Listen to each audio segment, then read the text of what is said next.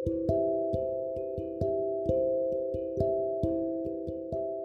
prayers are your light. Your devotion is your strength. Sleep is the enemy of both. Your life is the only opportunity that life can give you.